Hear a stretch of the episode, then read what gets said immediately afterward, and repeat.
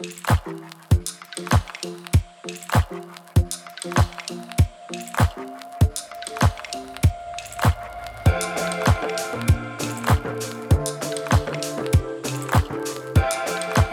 langer had ik in mijn hoofd om eens een podcastaflevering op te nemen over hulpvragen. Want dat is bij heel veel klanten, bij veel ondernemers die ik help, is dat een dingetje. En niet voor iedereen geldt dat ze het moeilijk vinden, lastig vinden om om hulp te vragen.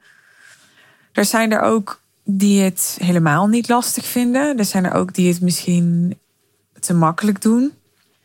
Maar het valt mij in ieder geval op dat echt de mate waarin mensen succesvol zijn in mijn traject, maar dat kan ook een ander coachingstraject, coachingsprogramma zijn, dat daarin de relatie die zij zelf hebben met om hulp of die relatie nou, nou goed is of minder goed, gezonder of minder gezond, positiever of negatiever, die heeft echt impact. En daarom vond ik het hoog tijd om deze aflevering eens op te nemen. Want laat deze aflevering de uitnodiging zijn aan jou om eens te reflecteren. Hoe is mijn relatie met om? En misschien heb je dat heel scherp. En misschien denk je dat je dat heel scherp hebt. En luister je hiernaar en denk je, oh, nou, misschien zit het toch iets anders. Misschien heb je er helemaal nog nooit zo over nagedacht. Nogmaals, laat deze aflevering de uitnodiging zijn voor je. Ik begin gewoon bij het begin. En in dit geval is dat voor mij hoe ik als coach ervaar dat mijn klanten omgaan met om hulp vragen.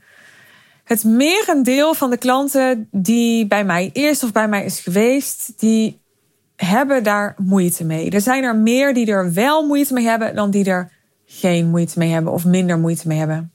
Er is bij veel ondernemers, bij veel mensen die ik help, een, toch een vrij diep gewortelde, soms misschien iets minder diep geworteld, overtuiging ik moet het toch alleen kunnen. Of ik los het wel zelf op. Of ik moet het eerst zelf weten. Of ik kan het toch zelf.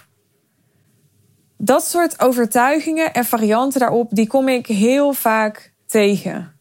Waar dat toe leidt, ik ga het gewoon benoemen, is dat mensen nou, te weinig om hulp vragen. Dat is een inkopper. Omdat ze daardoor eigenlijk te veel of te lang alleen blijven worstelen. Maar wat ook gebeurt, is dat ze te laat om hulp vragen. Dus ze betrekken mij pas in een stadium waarbij ik denk: ja, ja, maar ja, nu heb je dit hele plan al bedacht. En dan kom je eigenlijk nu bij mij om te vragen wat ik ervan vind. Kleine disclaimer. Ik ga daar zo nog wel wat dieper op in. Maar ik zeg niet dat je niet eerst zelf moet nadenken. Of niet eerst zelf moet voelen. Of niet eerst zelf jezelf zou moeten of kunnen bevragen. Want daar is helemaal niks mis mee. Sterker nog, dat stimuleer ik heel erg. Dat moedig ik heel erg aan. Maar je voelt hem hier al. De gezonde relatie met om hulp vragen is best complex. Want je doet het vrij gemakkelijk, is mijn ervaring inmiddels. Te veel of te weinig. Dus dat is ook iets wat mensen leren en ontwikkelen in mijn traject om die relatie gezonder te maken. Om op de momenten dat ze even in hun eigen proces zouden moeten zitten en even met zichzelf zouden moeten zijn en zelf zouden moeten voelen. Vaak is het meer voelen dan nadenken. Soms is het ook gewoon nadenken, uitwerken, rekensommen maken. Om dat dan ook te doen. Dus dan niet ja, bij mij te komen en vragen te stellen waarvan ik denk: volgens mij heb je hier nog onvoldoende voorwerk gedaan is het belangrijk om eerst eens na te gaan: wat wil je eigenlijk zelf? Hè? En waarom is deze vraag belangrijk? Waarom is deze vraag relevant? Is dit nu de meest belangrijke vraag om jezelf te stellen? Of is er iets anders wat urgenter is of meer impact gaat hebben op je business nu en op je leven? Wat niet wil zeggen, hè, dit ligt echt allemaal heel genuanceerd. Wat niet wil zeggen dat je dus niet mag uitreiken voordat je exact weet wat je wil of, of welke vraag te stellen. Dat is ook een, een misvatting. En ook een belangrijke reden waarom mensen soms te laat of niet naar me komen. Omdat ze denken, ja, ik mis die clarity. Dus ik ga zitten worstelen en afwachten tot ik ja, er comfortabel mee ben. Tot ik comfortabel ben met de mate waarop ik clarity heb op mijn eigen situatie, op mijn eigen vraagstuk, op mijn eigen thema. En dan ga ik uitreiken. En dan kan het juist weer heel helpend zijn om gewoon even te zeggen: Suus, ja, ik zit hier nu in en ik worstel hiermee. Ja, ik denk dat dit even mijn eigen proces is, maar hè, misschien wil je even iets delen over wat jij doet in zo'n situatie. Of dat jij denkt dat dit heel logisch is dat ik hier nu in zit. Of dat het, hè, dat het niet klopt, dat ik me eigenlijk anders zou moeten voelen. Of hè, kun jij daar me een vraag over stellen? Of dat kan heel slim zijn om te doen. Maar dat is ook iets wat je moet leren. Hè, dus ben daar mild over naar jezelf. Want zelfs als je al in drie business coach programma's hebt gezeten en daar misschien al vaker tegenaan bent gelopen, wanneer vraag ik wel om hulp en wanneer niet, dan nog, ja, het is net als dat je al een, een goed lopende business hebt, wil niet zeggen dat er niks meer te leren is. Dus ook op dit thema, het thema hulpvragen, zul je blijven leren. En sta jezelf toe om ook daarin een leerling te zijn. Beetje complex wat ik nu ga zeggen, maar je mag ook een leerling zijn in een leerling zijn. Dus je mag ook jezelf toestaan om te leren. Goede coachie, een goede leerling, een goede ja, leerling van, van een mentor kunt en mag zijn. Nou, even terug naar in case dat jij het lastig vindt om om hulp te vragen. Dat dat een thema voor je is en ja, daar kan van alles onder zitten. Misschien voel je je snel te veel. Misschien ben je bang afhankelijk te zijn. Misschien ben je bang om uitgelachen te worden, kritiek te krijgen. Soms kan het heel subtiel zijn, hè?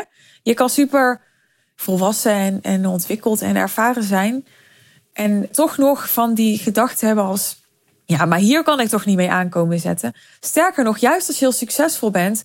kun je heel erg voelen... Nou, hier zou ik inmiddels wel overheen moeten zijn. dit zou nu toch geen issue meer moeten zijn. Dit, hier ben ik toch al, al drie keer mee aan de slag gegaan. En het is toch belachelijk dat dit nu nog steeds een thema is. Nou, als jij dus iemand bent die, die zich erin herkent dat je het lastig vindt om om hulp te vragen. Ja, een advies dat ik voor je heb is: bouw het gewoon in als tandenpoetsen. Ik heb er laatst wat in mijn stories over gedeeld. Dat inmiddels zit ik weer in een wat andere fase. Maar wat ik heel lang heb gedaan toen ik zelf in een business coach programma zat, was me heel strikt houden aan de structuur van dat programma ja, ik was daar heel, ja, bijna rigide in. Dat is ook uh, ja, iets wat, uh, wat hoort bij de ene in het enneagram. Ik kan vrij dogmatisch en rigide zijn. Dat geeft mij dan houvast. Dus waar een ander misschien een beetje laksig wordt, ga ik juist heel erg dan de structuur opzoeken. Dat betekende ook dat dat onderdeel was toen dat, dat je elke week rapporteert over je resultaten en over hoe het ging. En ik merkte op een gegeven moment, toen ik een aantal weken, maanden in dat programma zat, dat, dat eigenlijk niemand dat deed. Er waren eigenlijk maar een paar mensen die dat af en toe deden.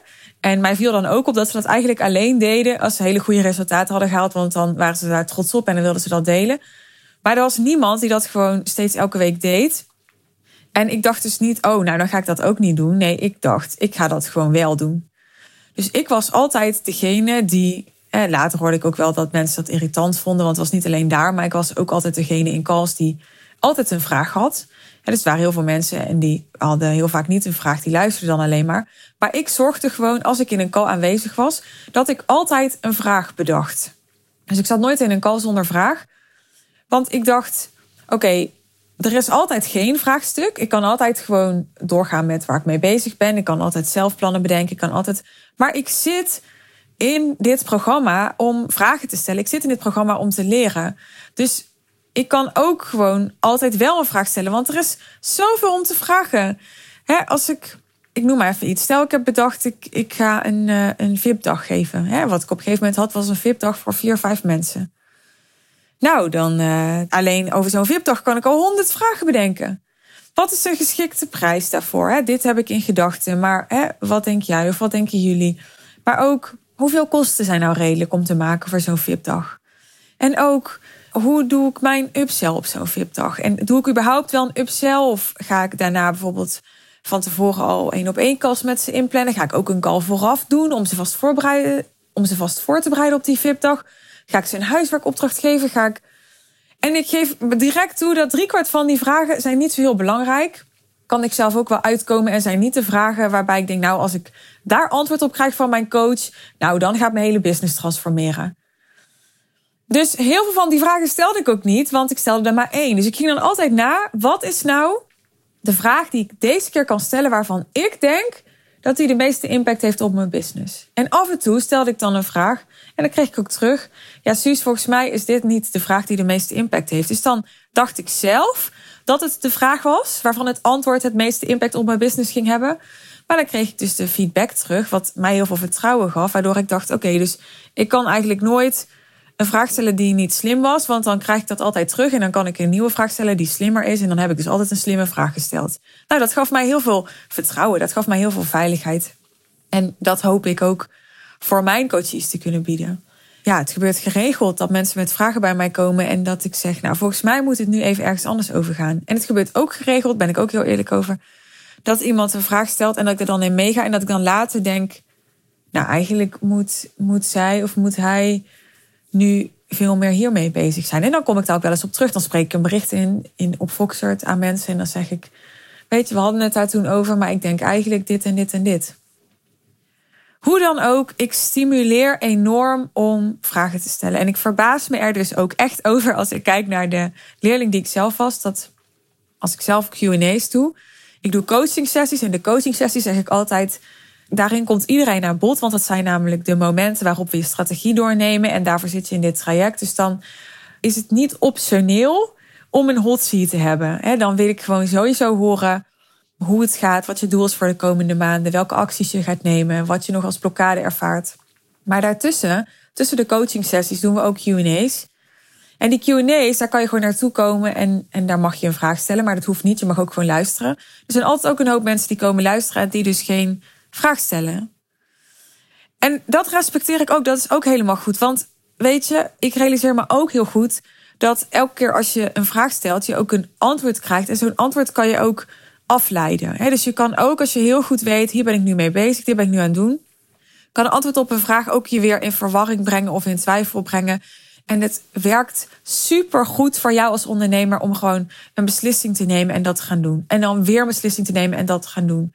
En als je net in dat doen zit en je voelt, ja, ik ben er gewoon nu nog niet aan toe om een volgende beslissing te nemen. Waar een vraag wel heel vaak toe uitnodigt. Dus heel vaak, als jij een vraag stelt, krijg je een antwoord van mij. En dan vervolgens heb jij te beslissen wat daarmee te doen.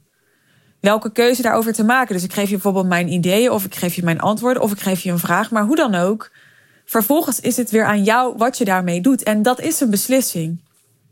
Dus ja, iets wat ik heb geleerd is: je moet ook geen vraag stellen als je niet echt het antwoord kan horen. Want ja, then it doesn't make sense.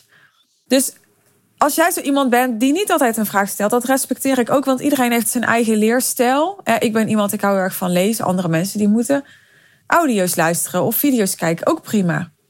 Maar ik raad je wel aan om er bewust over te zijn.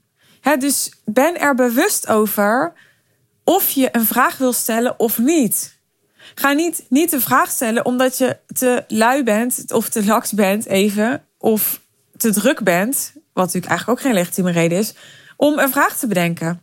En ga ook niet, niet de vraag stellen omdat je denkt, ja, misschien is het geen goede vraag, misschien is het geen belangrijke vraag, misschien is het geen nee. Weet je, sta jezelf toe om te falen. Als je faalt, dan leer je. Nou, dan nu even naar de categorie ondernemers en de categorie klanten van mij die zeggen, nou, ik herken me daar helemaal niet in. Ik ben heel makkelijk in om hulp vragen. Ik heb toch geïnvesteerd. En dat denk ik ook altijd. Denk ik, ja, heb je zoveel geld geïnvesteerd? Ga je toch zeker wel om hulp vragen? Ga je toch niet zelf blijven worstelen? Maar zo werkt het niet, heb ik gemerkt. Je moet echt mensen daar nog steeds toe uitdagen. Want die overtuigingen en, en patronen die daar allemaal zitten, die zijn echt hardnekkig.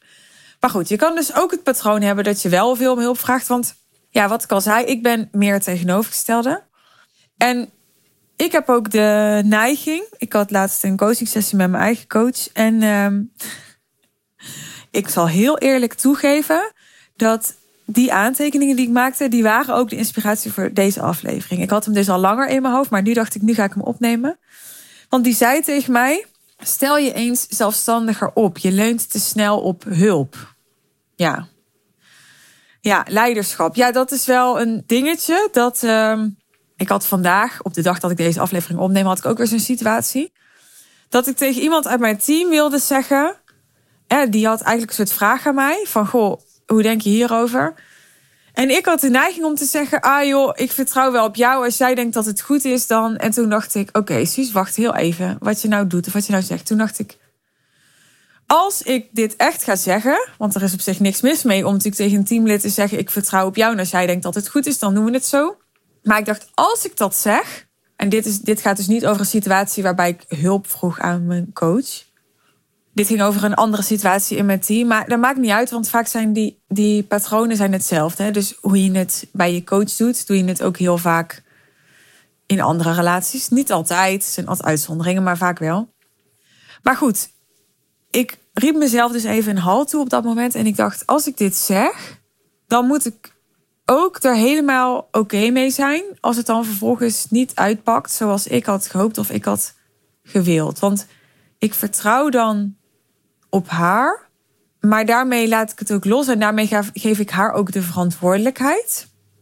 Maar als ik niet bij die verantwoordelijkheid zeg: Oké, ik geef jou het vertrouwen en het is oké onder deze en deze deze voorwaarden, dan mag je eigenlijk ook niet achteraf zeggen: Ja, maar dat is niet goed. Want je raadt het al, ik heb een beetje een handje daarvan mij zelfs verweten, ja, je bent een micromanager, maar ik ben eigenlijk, volgens mij, is mijn analyse, ik ben een soort tegenovergestelde daarvan. Ik ben eigenlijk iemand die juist te makkelijk soms de leiding weggeeft en dan denkt van, zo komt het wel goed. En dan komt het niet goed. En dan vervolgens, dan ga ik daar bovenop zitten van waarom kwam het niet goed. En, eh, en dan voelt iemand zich gemicromanaged. Maar daar ben ik nu aan het uitbreken. Dat is een leerproces. Dus ik dacht, nee, ik ga dit anders doen. Ik ga eerst eens na wat ik zelf zou beslissen. Voordat ik heel gemakkelijk zeg, want het is ook een soort gemakzucht dan van mij. Oh, um, ja, ik vertrouw wel op jou. Nee, ik dacht eerst, Suus, wat vind jij zelf? Wat vind jij zelf? En kan je jezelf achterzetten? En toen heb ik dus eerst gezegd wat ik vond. En vervolgens heb ik eigenlijk gevraagd aan haar van... oké, dit is wat ik vind. Dit was jouw voorstel. Kunnen we nu even samen de opties inventariseren? En dan kan ik zelf, alsnog zelf... want dat doe ik dan zelf, nu heb ik drie keer zelf gezegd... de keuze maken, oké, ga ik kiezen voor wat zij had voorgesteld... en daarmee op haar vertrouwen en hè, alles wat daarbij hoort... Of vind ik toch een van die alternatieven beter? Maar als ik kies voor wat zij had voorgesteld, dan doe ik dat niet alleen omdat ik op haar vertrouw. Dan doe ik dat ook omdat ik gewoon zelf denk dat het de juiste keuze is. En op een gegeven moment, als je vaker in dat soort situaties samen hebt gezeten en dat soort keuzes samen hebt gemaakt, dan hoef je dat minder te doen. En dan weet je gewoon, oké, ik weet dat ik op haar kan vertrouwen, want we hebben vaker dit bij de hand gehad en dan koos ze altijd en dan was het goed. Maar dat is iets wat je moet opbouwen met elkaar dat kost tijd. Nou, terug naar dat, uh, dat zelfstandig zijn. Ik ben dus iemand die vrij snel kan leunen op hulp. Dat is me echt al heel vaak verweten in mijn leven. Dat heeft natuurlijk weer met mijn jeugd te maken. Dat heeft natuurlijk weer te maken met dat ik gewoon in mijn jeugd dingen heb gemist. En waardoor er nu altijd soort deeltjes in mij nog. Daar ben ik allemaal aan het helen en aan het oplossen. Komt allemaal goed met mijn mensen. Voordat ik allemaal DM's krijg met. Oh, maar uh, ja, nee, dat voelde ik al heel lang. Dat, dat krijg ik dan, hè, even voor jullie. Ik krijg van die DM's. Ja, nee, dat voelde ik al bij je. En uh, ja, en dan komt zo'n heel verhaal en zo. Ja, dat hoeft echt niet. Dankjewel. Maar goed, dan komt er zo'n. Dan komt er zo'n. Ja, zo'n oud stukje naar boven. Van ik heb nog ergens recht op. Weet je, ik heb nog recht op dat er voor mij gezorgd wordt. En dus dat komt dan, dat voor ik het weet, zit dat in zo'n samenwerking met zo'n teamlid. Uh, maar ook met een coach of met, met wie dan ook, zit dat ertussen. Dus dan is het niet meer zuiver vertrouwen wat ik doe op die ander, maar dan is het meer: oké, ik heb er nog recht op dat die ander het voor mij oplost of zo. Nou, dat was in het geval van toen ik in dat business coach programma zat niet hoor. Toen zat ik helemaal niet in de modus van: oh, ik stel vragen, want dan kan die ander het voor mij oplossen. Zo ben ik wel begonnen. Als je wil weten hoe dat, dat ging, luister dan even podcast aflevering 2. Daarin vertel ik over hoe het ging in mijn eerste business coach programma en hoe ik daarin heel boos werd. Maar toen ik eenmaal daar doorheen was, door die boosheid, toen voelde ik: oké, ik ben hier degene die verantwoordelijk is. En vanuit die verantwoordelijkheid ga ik dus alles vragen wat ik wil vragen. Alles leren wat er te leren valt. Alle waarden eruit halen die ik er op dit moment uit kan halen. Alles doen wat ik kan. En ook alles geven van mezelf, zodat ik ook weer terug kan krijgen. En dat heb ik toen gedaan. En daardoor heb ik echt heel snel kunnen groeien. Dat was echt, als ik daarop terugkijk, denk ik, ja, dat was gewoon super goed. Ik was gewoon heel leergierig en ik nam heel veel eigen verantwoordelijkheid. Nogmaals, ik moest wel ergens doorheen. En die combi die werkt gewoon super, super goed. zie ik ook nu bij mijn eigen klanten. Mensen die super eager zijn. Ja, ook echt een soort honger hebben. Vastberaden, dedicated, gecommitteerd. Maar ook echt eigen verantwoordelijkheid nemen. Dus niet mij aan het beoordelen zijn op wat ik doe. Niet continu naar anderen aan het kijken zijn en wat ze daarvan vinden. Maar echt met hun eigen proces bezig. Wat kan ik hier uithalen? Wat wil ik hier mee? Wat kan ik hiervan leren? Wat is voor mij belangrijk? En gewoon verder lekker langs zich heen laten gaan wat voor hen niet relevant is. Ja, die halen gewoon echt de allerbeste resultaten. En dat zijn dus niet altijd de mensen die van nature het heel gemakkelijk vinden om hulp te vragen. Er zijn echt mensen die dat leren in mijn traject.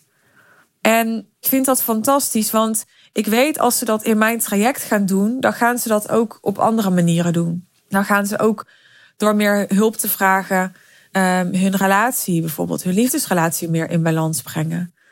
Omdat ze, als jij een patroon hebt van ja, ik los het allemaal zelf wel op, dan heb je dat patroon wellicht ook in je gezin. Uh, misschien heb je het ook wel naar je ouders toe, dat je je niet kwetsbaar opstelt naar je ouders toe, omdat je zoiets hebt van ja, ik mag hen daar niet mee lastigvallen, iets vanuit vroeger. Dus ik merk dat als ondernemers bij mij ja, die niet optimale relatie gaan verbeteren, dan werkt dat door in alle aspecten van hun leven. Dat is super mooi om te zien. Nou, ik was bezig met wat kan je nou doen als je het lastig vindt om om hulp te vragen. Bouw het in. dus maak er een, ik noem het ook wel procesdoel van. Dus spreek gewoon met jezelf af. Ik ga één keer in de week ga ik minimaal een vraag stellen, bijvoorbeeld. Wat kan je doen als je juist misschien te veel leunt? Voordat je gaat leunen, roep jezelf even die hal toe het is heel erg bewustwording. Precies zoals in die situatie die ik net met je schetste met dat teamlid. Op een gegeven moment, als je er bewust van bent dat je dat doet, ga je het doorzien. En dan kun je ook het gaan veranderen. En meestal door even zo'n pauze in te lassen op het moment dat je voelt dat je die neiging hebt, dan kun je weer bewust gaan kiezen. En dan kun je gewoon er bewust voor kiezen om wel te leunen. Want we mogen leunen. We mogen leunen als het, als het safe is. Maar je kunt dan ook voor kiezen om niet te leunen en te zeggen: nee, dit, dit ga ik zelf doen. Om wat voor reden dan ook. Omdat je voelt dat het je meer zelfvertrouwen gaat geven. Omdat je voelt dat het je gewoon niet gaat helpen om weer een mening te krijgen. Hè? Omdat het antwoord niet dienend gaat zijn. Omdat je voelt dat het je meer draagkracht gaat geven. Maar dan, dan kies je vanuit zuiverheid. En niet vanuit een onbewust patroon. En dat gaat je een heel ander resultaat geven. want die onbewuste patronen die komen vanuit beschermingsmechanismen. En beschermingsmechanismen die brengen ons nooit waar we willen zijn. Want die zijn ontstaan vanuit angst en vanuit coping. Dus die zijn soms tijdelijk even dienend om veilig te zijn. Maar op de lange termijn gaan ze je nooit brengen waar je wil zijn. Terwijl de bewuste keuzes, die gaan je wel veel dichterbij brengen waar je wil zijn. Ik bedoel, er zijn ook geen garanties, maar ze gaan je absoluut veel dichterbij brengen. Ik hoop dat het interessant voor je was. Als je ja, het interessant vindt om bij jezelf te onderzoeken van... hoe is mijn relatie met om hulp vragen? Mocht je ja, me even willen laten weten tot welk inzicht je bent gekomen door deze aflevering... vind ik dat leuk. Laat van je horen. Je mag me altijd DM'en op Instagram. En als je benieuwd bent geworden naar wat het jou gaat opleveren... als je mij om hulp gaat vragen, echt consistent, bijvoorbeeld elke week mij en natuurlijk bijvoorbeeld Jeannette, die ook nu coacht in mijn traject. En uh, ook andere deelnemers in de Real Deal, de community. Daar kun je ook veel hulp en support van ontvangen. Boek je call over de Real Deal. Hè? Je vindt een link van de sales page over de Real Deal in de show notes. En daar kun je je call met ons boeken. Je spreekt dan eerst uh, ehm, 15 minuten even een soort aftastgesprekje met iemand uit mijn team. Om te kijken, oké, ben je op het punt dat je hele goede resultaten gaat halen en al je hoogste ambities gaat verwezenlijken door hierin te stappen. Of ben je om wat voor dan ook nog niet op dit punt. Zo niet, helemaal oké, zo wel, dan spreken wij elkaar. En dan mag je aan mij je final go geven. Yay!